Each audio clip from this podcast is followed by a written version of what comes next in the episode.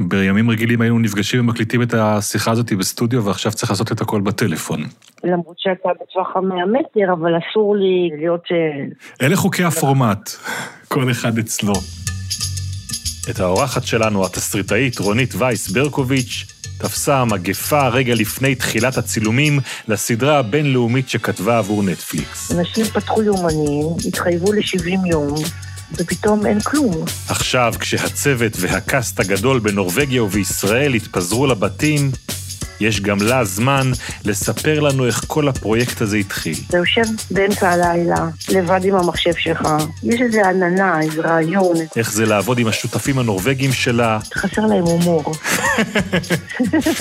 ואיזה שרירים צריך לפתח כשעובדים מול מעצמה כמו נטפליקס. כל מילה שאתה מוציא מהמחשב עוברת ביקורת או review של כל הגופים המעורבים בדבר. וגם כמה עצות טובות ליוצרים להעביר איתן את התקופה הזו. אתה לא כותב כי אפשר, אתה כותב כי צריך. אני בן שני ואתם מאזינים לחומרי גלם, זה הפודקאסט של טלי, חברת התמלוגים של יוצרי הקולנוע והטלוויזיה בישראל. אנחנו, בתקופה הזו שבה כולם יושבים בבית, מנצלים את הפודקאסט שלנו לעשות ביקורי בית אצל כמה מהחברים שלנו, לשמוע איפה הם היו בדיוק כשהכול קרה, לאן הם לוקחים את המצב הזה, לקבל מהם כמה עצות טובות לדרך. האורחת שלנו היום היא רונית וייס ברקוביץ', זהו, אנחנו מתחילים. חומרי גלם, הפודקאסט של טלי. איפה זה תפס אותך? אמ, זה תפס אותי, האמת, ב pre-production, הסדרת דרמה, שהתחילה להצטלם כבר באוסלו, ועמדה להצטלם גם בישראל, זו קופרודוקציה אה, גדולה, ראשונה מסוגה בין ישראל ונורבגיה, יחד עם נטפליקס כהפקה. אמ, רגע, זה, זה מחייב איזשהו הסבר. כמה זמן את כבר עובדת על זה? זה בעצם סדרה שאני עובדת עליה כבר שנתיים וחצי, משהו כזה. שבמרכזה מה הסיפור? זו דרמת מתח אה, שדוברת ארבע שפות ומתרחשת בשלוש טריטוריות, אם תרצה. זה סיפור על שלושה צעירים שנחטפים בסיני על ידי אייסיס, דאעש, אח ואחות שהם ישראלים, ותיירת מאוסלו שהיא סטודנטית לרפואה בשם פיה. ודאעש חוטף אותם אחרי שהם חוזרים מאיזה weekend על החוף, ודורשים בתמורה לחייהם שחרור של טרוריסטים שכלואים גם בישראל וגם בנורבגיה. ואם האסירים לא ישוחררו תוך שבועיים, החטופים מוצאים להורג. עכשיו הממשלות, גם בישראל וגם בנורבגיה, מתנגדות לעסקה עם אייסיס. האימא של החטופים הישראלים מקימה בירושלים מועל מחאה ומנסה להפעיל לחץ ציבורי. אמ, ובאוסלו, ההורים של פיה המומים, הם לא ידעו בכלל שהבת שלהם, היחידה, נסעה לישראל, אבל אימא של פיה, שקוראים לה אלכס, יודעת היטב למה הבת שלה נסעה. סיבה שהיא מסתירה, זה הסוד הגדול שהיא מסתירה מהבעל שלה. אוקיי. Okay. האיש שגידל את פיה בתור אבא שלה, הנורבגי שגידל את פיה, הוא לא האבא הביולוגי. פיה נולדה למעשה כתוצאה מרומן אסור בין האימא הנורבגית ששמה אלכס לבין השר הישראלי לענייני מודיעין, שהוא פוליטיקאי ימני ודתי ובעל משפחה. והרומן שלהם קרה באוסלו, שיחות אוסלו, 1993. וואלה. מאחור, מאחורי הקלעים של השיחות שהובילו להסכמי אוסלו. אז זה הפרי האסור של אותם הסכמי אוסלו. כן. ואז, לפני 26 שנה, נפגשים שלושה אנשים צעירים שבשום אופן לא היו יכולים להיפגש אחרת.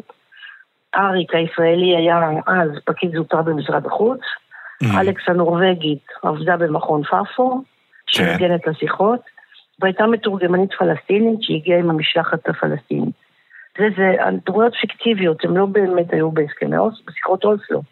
שלושה צעירים שמחכים כל הזמן מחוץ לחדר הישיבות, ומתפתח שם רומן בין אריק ובין אלכס. לילה הפלסטינית יש את סודם. אחרי השיחות כל אחד חוזר לחייו, על דרכים נפרדות, ואריק אפילו לא יודע שאלכס היא בהיריון. והנה 26 שנה אחרי, שהבת שלו מגיעה לפגוש את אבא שלה, שהוא לא ידע בכלל על קיומה, הוא מנפנף אותה ממנו, אמ, והיא נורא מדוכדכת, והיא יורדת לסיני עם שני חבר'ה שהיא הכירה בירושלים, ושם חוטפים אותם, אבל מי חוטף אותם? חוטף אותם הבן של המתורגמנית הפלסטינית, שהיום הוא איש דאעש. טוב. וזהו, זה בעצם הסיפור, זאת אומרת... לא, זה סיפור, הצלחת להפוך את הסכמי אוסלו לדבר סקסי. נכון, זה סיפור חטיפה, מתח, אה, שבי, ניסיונות בריחה, ניסיונות חילוץ, אה, אבל מאחורי, בבסיס, כן, זה בעצם סיפור על הורים וילדים, בעצם, אם תרצה. אני חושב על זה שזה שייך לעולם שכאילו התנתקנו ממנו לפני חודש. נכון, אפילו הסכסוך עכשיו לא, לא תופס כותרת אחת בשום נכון. מקום, אייסיס, דאעש, כל הדברים האלה, מי, מי בכלל מדבר על זה? כולם עכשיו נכון, נלחמים בקורונה. אה, זה רעיון מקורי שלך? כן. אז את באה עם רעיון כזה לסדרה ו, ומציעה אותו לנטפליקס פשוט? לא, לא, לא, זה...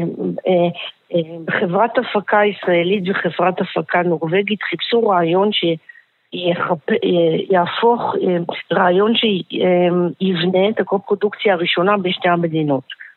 סדרת טלוויזיה, הם עוד לא חשבו אז על נטפליקס, איך אפשר לעשות קופרודוקציה בנורבגיה וישראל, והם פנו אליי. עכשיו תשמע, זה תמיד זה תמיד אה, מקסים אותי מחדש. אני חושבת שפעם סיפרתי לך על זה, שאתה יושב באמצע הלילה, לבד עם המחשב שלך, וחושב על איזה, מתבל... יש איזה עננה, איזה רעיון, איזה סיפור שהולך ונרקם אה, בראש שלך, ולאט לאט אתה מנסה להכיר את הדמויות או את המניעים ולסבך להם את החיים, כי זו הרי מטרתנו כתסריטאים. אה, לשים כמה שיותר מכשולים בפני הדמויות שלנו, ומחפש קשרים והקשרים, ומהלכי עלילה, ועוברות שלוש שנים, ואז מאות אנשים מתרוצצים בשטח ובונים את הלוקיישן, ועושים את החזרות, ויש צוותים, ואתה יודע, זה תמיד תהליך כזה שנורא מרגש אותי, איך מתוך חלום, מתוך דמיון, מתוך איזה אה, בדל מחשבה, נוצרת סדרה שמפרנסת באמת מאות אנשים, ואולי תגיע למסך אה, ותהיה גם אפילו טובה, אולי. אז בעצם במעשה המרכבה הזה של הסדרה שנוצרה כאן בשותפות בין ישראל ונורבגיה, תחנת שידור TV2, תחנת השידור הגדולה בנורבגיה, לבין הוט, תחנת שידור ישראלית, שזו הקופרודוקציה, זה נטפליקס. מעל כולנו, אמ, אה, במאי ישראלי, במאי נורבגי, ישראלי, מפיק נורבגי, שתי תפיסות שונות לחלוטין של דרמה. ואת אומרת, את, את אומרת שהכל נולד מזה שחיפשו סיפור שהתרחש בנורבגיה בישראל, ואת יושבת וחושבת איזה עלילה את רוקמת לתוך כן. התנאי יסוד האלה? כן, זה... זה לא מגיע מהחלום ומההשראה שלך, זה מגיע מזה שאת אומרת, אוקיי, זה מה שרוצים, ועכשיו אני אתיישב על המחשב ואני אברא את העולם ש, שמתקיים בתוך לא, החוקים לא האלה. היה לי סיפור, אני חושבת שאני אמרתי אז בטלפון אין לי סיפור, אבל תנו לי כמה ימים. הרי כולנו חולמים על קו-פרודוקציות ומחפשים קו-פרודוקציות, חלק בגלל, חלק ניכר בגלל המצב העגום של סדרות אה, סוגה עילית בארץ, אין מספיק כסף, נכון? אה, זה לא משהו שהזכיינים מתים לעשות. ידוע. ואז אה, מחפשים משהו שיהיה אטרקטיבי בחוץ, אה, שיוכל להביא כסף לפרויקט, וכמובן גם אה, משאת נפש, שכל יוצר להגיע לקהל הרבה יותר רחב, אבל אז זה לא היה לי בראש כל כך. חיפשתי פשוט סיפור שהגרעין שלו מחבר בין שתי תרבויות, בין שתי מדינות, שבמקרה זה ישראל ונורבגיה. מי הביא את נטפליקס לחתונה הזאת? הנורבגים. מה הם יודעים אה. לעשות שאנחנו לא יודעים? יש להם המון כסף. לנורבגים אה. עצמם יש כסף? נורבגיה היא ארץ מאוד עשירה.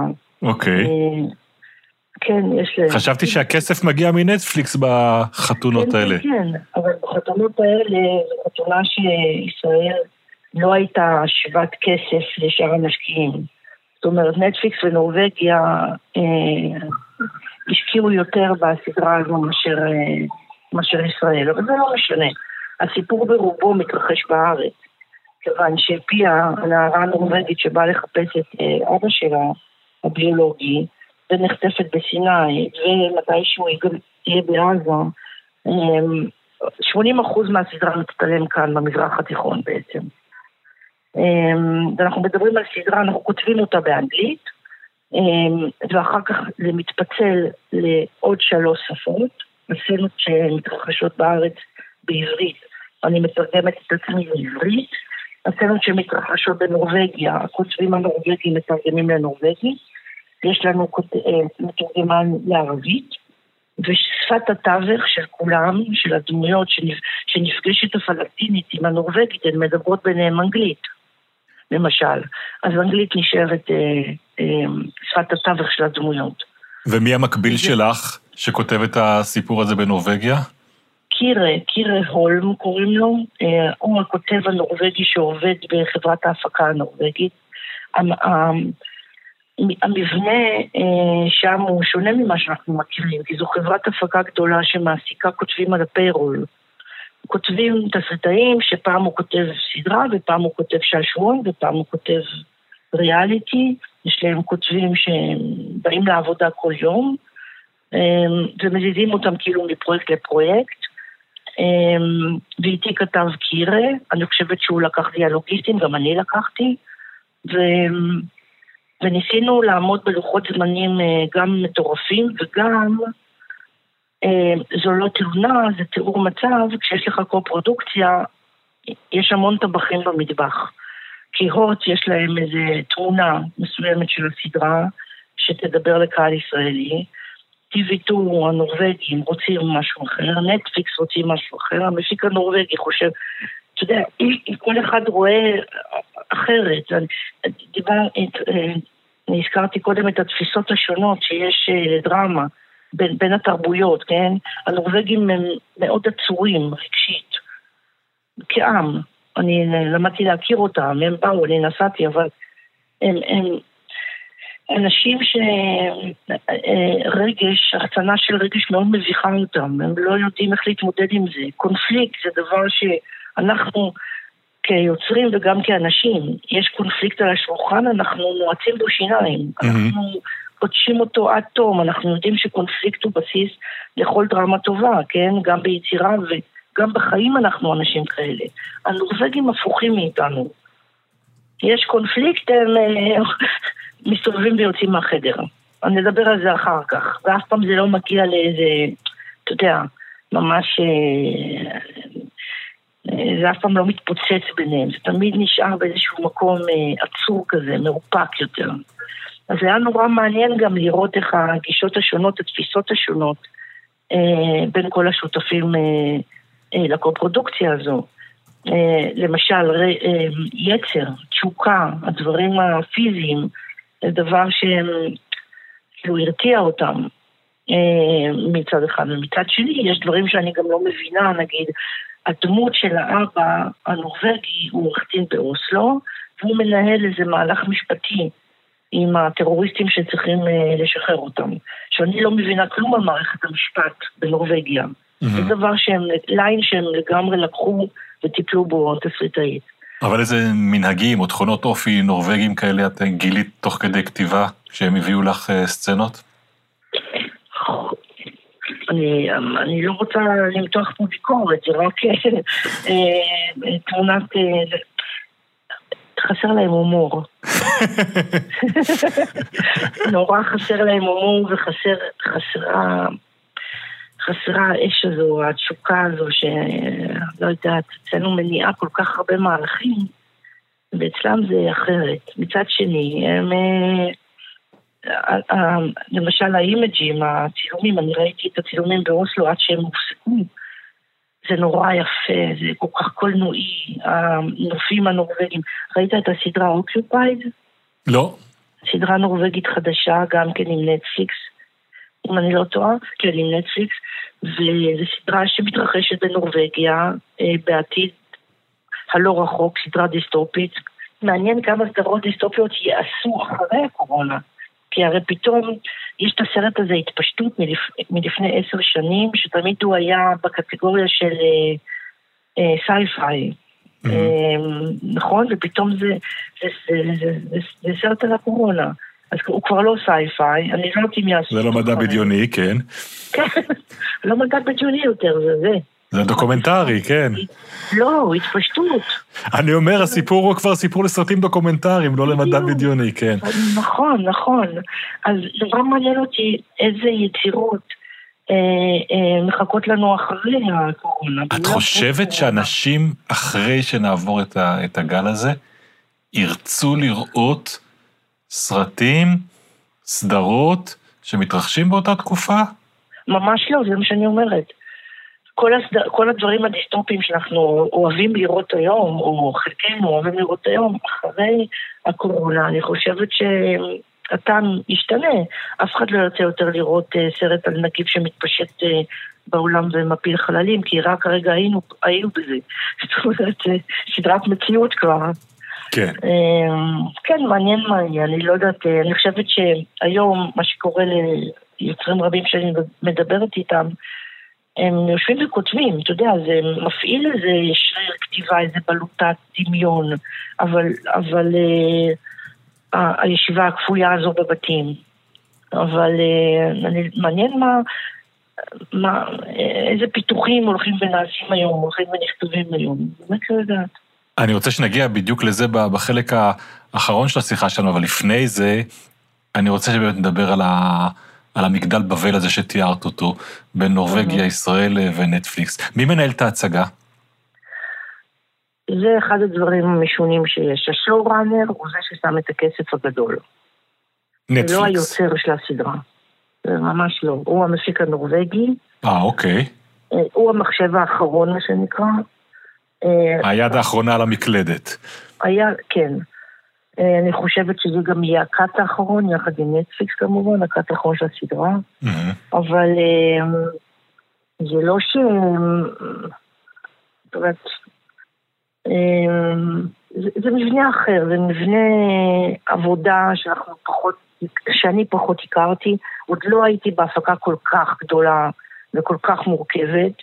אבל גם אה, כשהיית בהפקות אה, גדולות ומורכבות בארץ, היית תמיד בתפקיד הראשי, את היית מזו שמנהלת את ההצגה נכון. כתסרטאית ראשית. נכון. לא, הקרדיט לא השתנה, אבל הטכניקה של העבודה היא אחרת. זאת אומרת, כל מילה שאתה מוציא מהמחשב עוברת אה, ביקורת או review של כל הגופים המעורבים בדבר.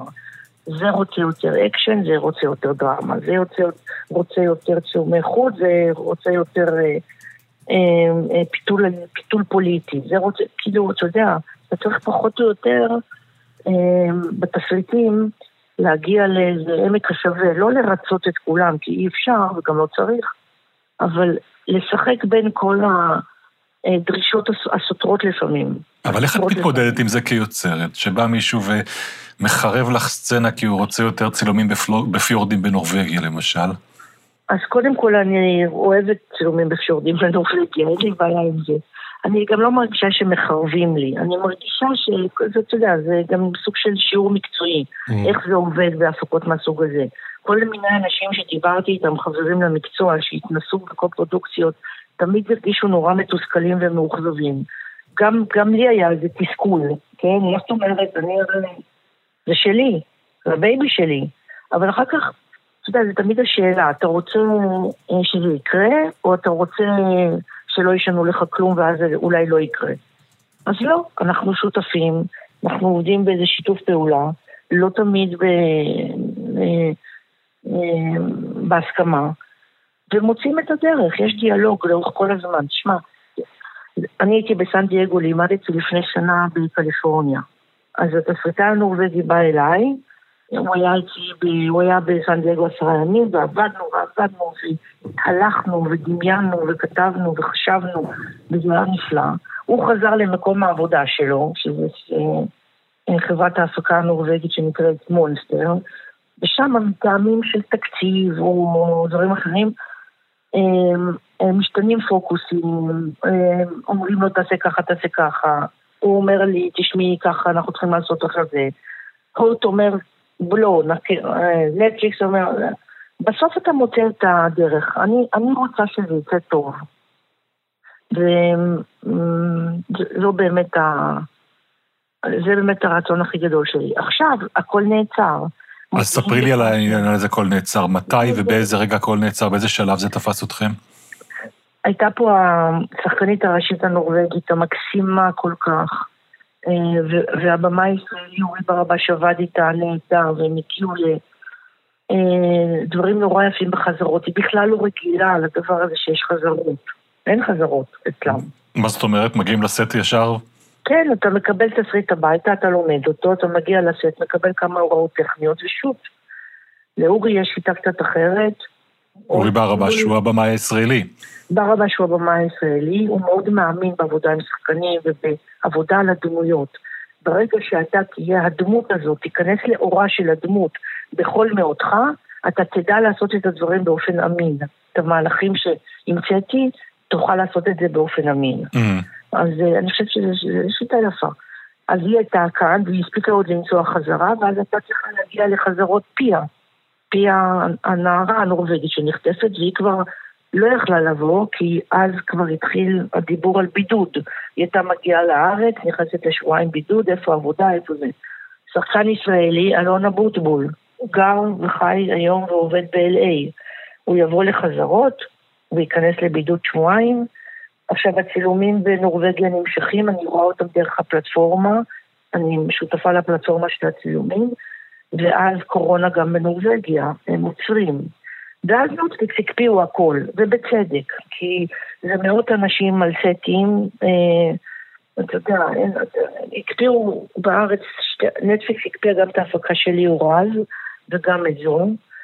בארץ אה, היינו כבר בחזרות ולקראת צילומים ושוטים ובריידאונים ואיפה אנחנו מזיזים עוד איזה סצנת לילה, הופכים אותה לסצנת יום כדי לחסוך בזמן של יום צילום. עבודת פרל אמיתית. כל הליהוקים סגורים, אה, אה, יש תיקוני טקסט על פי החזרות כבר, כן המשפט הזה, לא המשפט ההוא. ואז בום, הקורונה היא כבר... זאת אומרת, אתה, אתה משחרר את כל האנשים לשבועיים בהתחלה, כי, אתה, כי לא, הם לא ידעו מה, מה הצפי ומה קורה. אבל ככל שהמגפה תופסת יותר ויותר ומסתוללת יותר ויותר, כרגע אנחנו בתחילת צילומים עד להודעה חדשה. ויש לך כתסריטאית מה לעשות בתקופה הזאת? במקרה לי יש, אני תמיד אה, ידיים מלאות, אבל אני חושבת על כל האנשים האלה, ומדובר באמת במאות, שהולכים הביתה, והם לא יודעים מתי עוד פעם יתפרנסו, כי זה לא שיש עכשיו, אוקיי, הפקה אחת נסגרה, אז יש המון שמחכות. אין כלום. תסברי את האוזן, באיזה תפקידים מדובר? החל ממנהל הפקה וכלה בשחקן, החל מהמלבישה וכלה בבמאי, החל מהצלם וכלה, אתה יודע, כל מי של... אנשים פתחו יומנים, התחייבו ל-70 יום, ופתאום אין כלום. ולא שמישהו אשם, זה לא שאפשר לתבוע את, ה, את המפיק, כן? זה פורס מז'ור. אה, וכנ"ל גם בנורבגיה, גם הם בדיכאון. אז מה אתה עושה בינתיים? אני, באופן אישי אני עובדת על עוד שני פיתוחים ואני גם עורכת ספר ואני מלמדת באוניברסיטה אונליין, אבל, אבל הלב שלי, אתה יודע, יש לי תחושת החמצה ואכזבה גדולה. על זה שפתאום נעצרנו, כי זו מכונה עצומה, רכבת עצומה שנעצרת, ואז כשנתניע אותה מחדש, מתי שנתניע אותה מחדש, אף אחד לא יודע להגיד מתי, האם כולם יהיו available כמו, כמו ש... האם אפשר יהיה לכנס ולאסוף את כולם אה, ולהמשיך מאותה נקודה? האם, איזה מין אנשים נהיה כשזה ייגמר? כי אם זה ייגמר בעוד חודשיים, יותר קל, אם זה ייגמר בעוד חצי שנה, אני לא יודעת. אמ, כל מיני שאלות כאלה שאתה שואל את עצמך. אז רגע, לפני שנשקע ב... בדיכאון של היום-יום, תקחי אותנו חזרה רגע לאוויר פסגות הזה של הפקת נטפליקס בינלאומית, ותתני לי קצת מושג על הפערים ועל מה שזה מאפשר לעבוד בתקציבים האלה, כי עשית דברים לערוץ 2 בזמנו, אה, לפריים טיים הישראלי. עשיתי הרבה, תראה, כן. אבל אה, ככל שאומנם התקציב גדול הרבה יותר ממה שאנחנו רגילים ומכירים, מצד שני זו גם הפקה מאוד מושקעת, זאת אומרת, היא מתרחשת... אה, גיאוגרפית, מתפרסת על הרבה, זאת אומרת, על, על, על שתי מדינות וסיני ועזה. זאת אומרת, הרבה מהכסף לא הולך לצילומים, אלא לכל ההפקה שמסביב, להטיס אנשים ממקום למקום. בדיוק, יש לנו ברשימת השחקנים רק בארץ, ראיתי את הרשימה, זה 280 אה, שחקנים, כן? ראשיים ומשניים, אבל זה המון. אה, אנחנו נוריד חלק כמובן. זה כבר, כבר היינו בתהליך של קצת אה, לעשות את זה יותר אקונומי. מה זה יותר אקונומי? לא בגלל שחסר כסף להפקה, אלא בגלל שאתה רוצה להרוויח את זה, נגיד לעשות סצנה קצת יותר מורכבת, שיהיו בה אה, אה, לא כל כך הרבה, לא כל כך הרבה סטטיסטים ברקע, ואתה יכול להקדיש יותר זמן לשחקנים הראשיים שלך, או לאיזשהו מהלך עלילתי שהוא אה, יותר נוגע לדמויות הראשיות, שזה תמיד כדאי. אבל אני מניח שגם התקציב הזה מתבטא לא רק בשלב הסופי של הצילומים, שבו אה, צריך להטיס את כולם ממקום למקום בין, אה, כן. בין מצרים, ישראל ונורבגיה, אלא גם בתהליך הכתיבה, שבו את יודעת שאת יכולה לכתוב לתקציב יותר גדול, נכון? נכון. אבל אני תמיד כתב, אני תמיד כותבת גם עם מחשבה, עם מחשבה הפקתית. זאת אומרת, יש לי תמיד בראש את ההיתכנות ההפקתית הזו. זה גם בגלל שאני הרבה פעמים עורכת תסריט, אז אני יודעת אה, לחשוב גם מתמטית. אתה לא יכול לדחוס יותר מדי סצנות ביום צילום. ואז אתה סופר בעצם כמה סצנות יש לך בפרק. אתה, אתה מכיר את זה הרי, כמה סצנות יש לך בפרק, כמה לוקיישנים יש לך. למה אני צריכה כל כך הרבה לוקיישנים חד פעמיים? אולי אני יכולה לנצל לוקיישן אחד שלוש פעמים, הרי מצלמים רוחב. אז אני, במקום ללכת אה, לשנע צוות עצום, אה, אה, קאסט ואנשי צוות, ללוקיישן שיסתלם פעם אחת, ואחר כך נשאר ניסה ללוקיישן שמצטלם עוד פעם אחת, למה? אני יכולה לחסוך בראש אה, ולנצל את ה... אה, יותר טוב את הלוקיישן האחד הזה, ושהוא יופיע בעוד פרק אחד. ואז כשנצלם רוחב, אז במקום לצלם סצנה של ארבע דקות בלוקיישן חד פעמי, אני אצלם שלוש סצנות של ארבע דקות באותו לוקיישן, ואני אחסוך את זמן הנסיעה לעוד מקום אחר. ואיפה אתה מתפרע כשאתה כותב בתקציב של נטפליקס? אה, יש יותר מרדפים במדבר. נגיד, החוטפים והחטופים נעים במדבר סיני, אנחנו הרי לא נצלם במדבר סיני, אבל הם נעים במדבר סיני, שיירה של דאעש, ואחריה אה, כוח חילוץ שמנסה לעשות איזשהו מבצע הירואי ולשחרר אותם. אה, אתה יודע, ורחפנים של הצבא מלמעלה, וכן, כזה. אקשן אקשן. הכל אבל מתחיל מהדרמה, באמת. האקשן הוא... זה, האקשן הוא ז'אנר, אבל... אה, והוא יכול לשבת, אם יש אקשן מרהיב, הוא יושב על סיפור חלש, בסדר, אז אתה הולך אל האקשן, אבל פה ההתכוונות מראש הייתה לספר סיפור של דמויות. אני רוצה לקחת אותך לז'אנר אחר, שבו אולי התחלת את הדרך, לדוקו. כן. אם היית צריכה היום לצלם דוקומנטרי על הימים האלה, יש לך מחשבה מה היית עושה? כן, אני, איך שזה התחיל, אה, אמרתי לעצמי שאני צריכה להתחיל לצלם סרט תחת הכותרת הזמנית, העולם כפי שהכרנו פעם. ולנסות אה, לתעד את הדברים היומיומיים, הבנאליים, הכי מובנים מאליהם, אה, אה, שאולי בוודאי הולכים ונעלמים זמנית, אבל מעניין יהיה לראות, לעקוב אחרי היעלמות של דברים שאולי, אולי, אולי לא יחזרו, אני לא יודעת. מה למשל? אמ, משהו שחשבתי עליו אתמול, שלימדתי, אה, למשל, אולי יותר, אולי הרבה מההוראה תעבור להיות מרחוק. כי, אתה יודע, אנשים התרגלו ויש לזה גם הרבה פלוסים. זה לא מעניין דוקומנטרית, אבל סתם מחשבה שחלפה לי אתמול. כל העניין של אה, היציאה לקניות, הבילויים בחוץ, מסעדות מלאות, לא יודעת, יש איזה... אני חשבתי שצריך אה, לצלם את העולם הזה, אני גרה במרכז תל אביב, מהבית שלי, מהחלונות שלי רואים 24-7 מכוניות ואנשים, ויש בר ליד הבית ותמיד שמח שם ועומדים בחוץ ושותים, ו... ו- ועכשיו לא. ועכשיו זה כזה יום כיפור אחד ארוך וקודר. אני חזרתי אה. עכשיו מסיבוב ב- באבן גבירול, כן, והסרט שאני הייתי מצלם עכשיו זה על שליחים. רק שליחים יש שם ברחוב. כן, נכון. כל העולם שייך, כאילו שייך להם.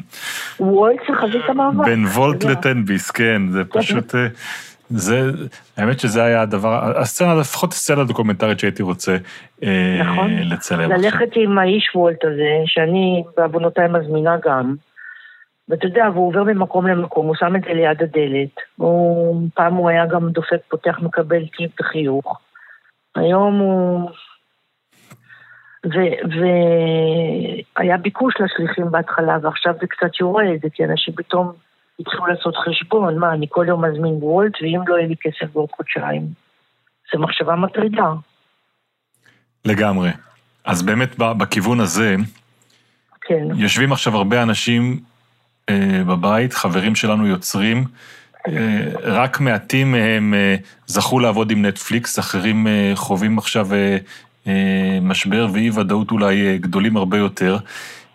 יש לך איזושהי עצה ליוצרים במקום הזה, בזמן הזה, איך להעביר את התקופה הקרובה? אה, אני יכולה להגיד לך רק מה, אה, מה אני הייתי עושה, מה אני עושה. אני חושבת שזה זמן קריאה וכתיבה.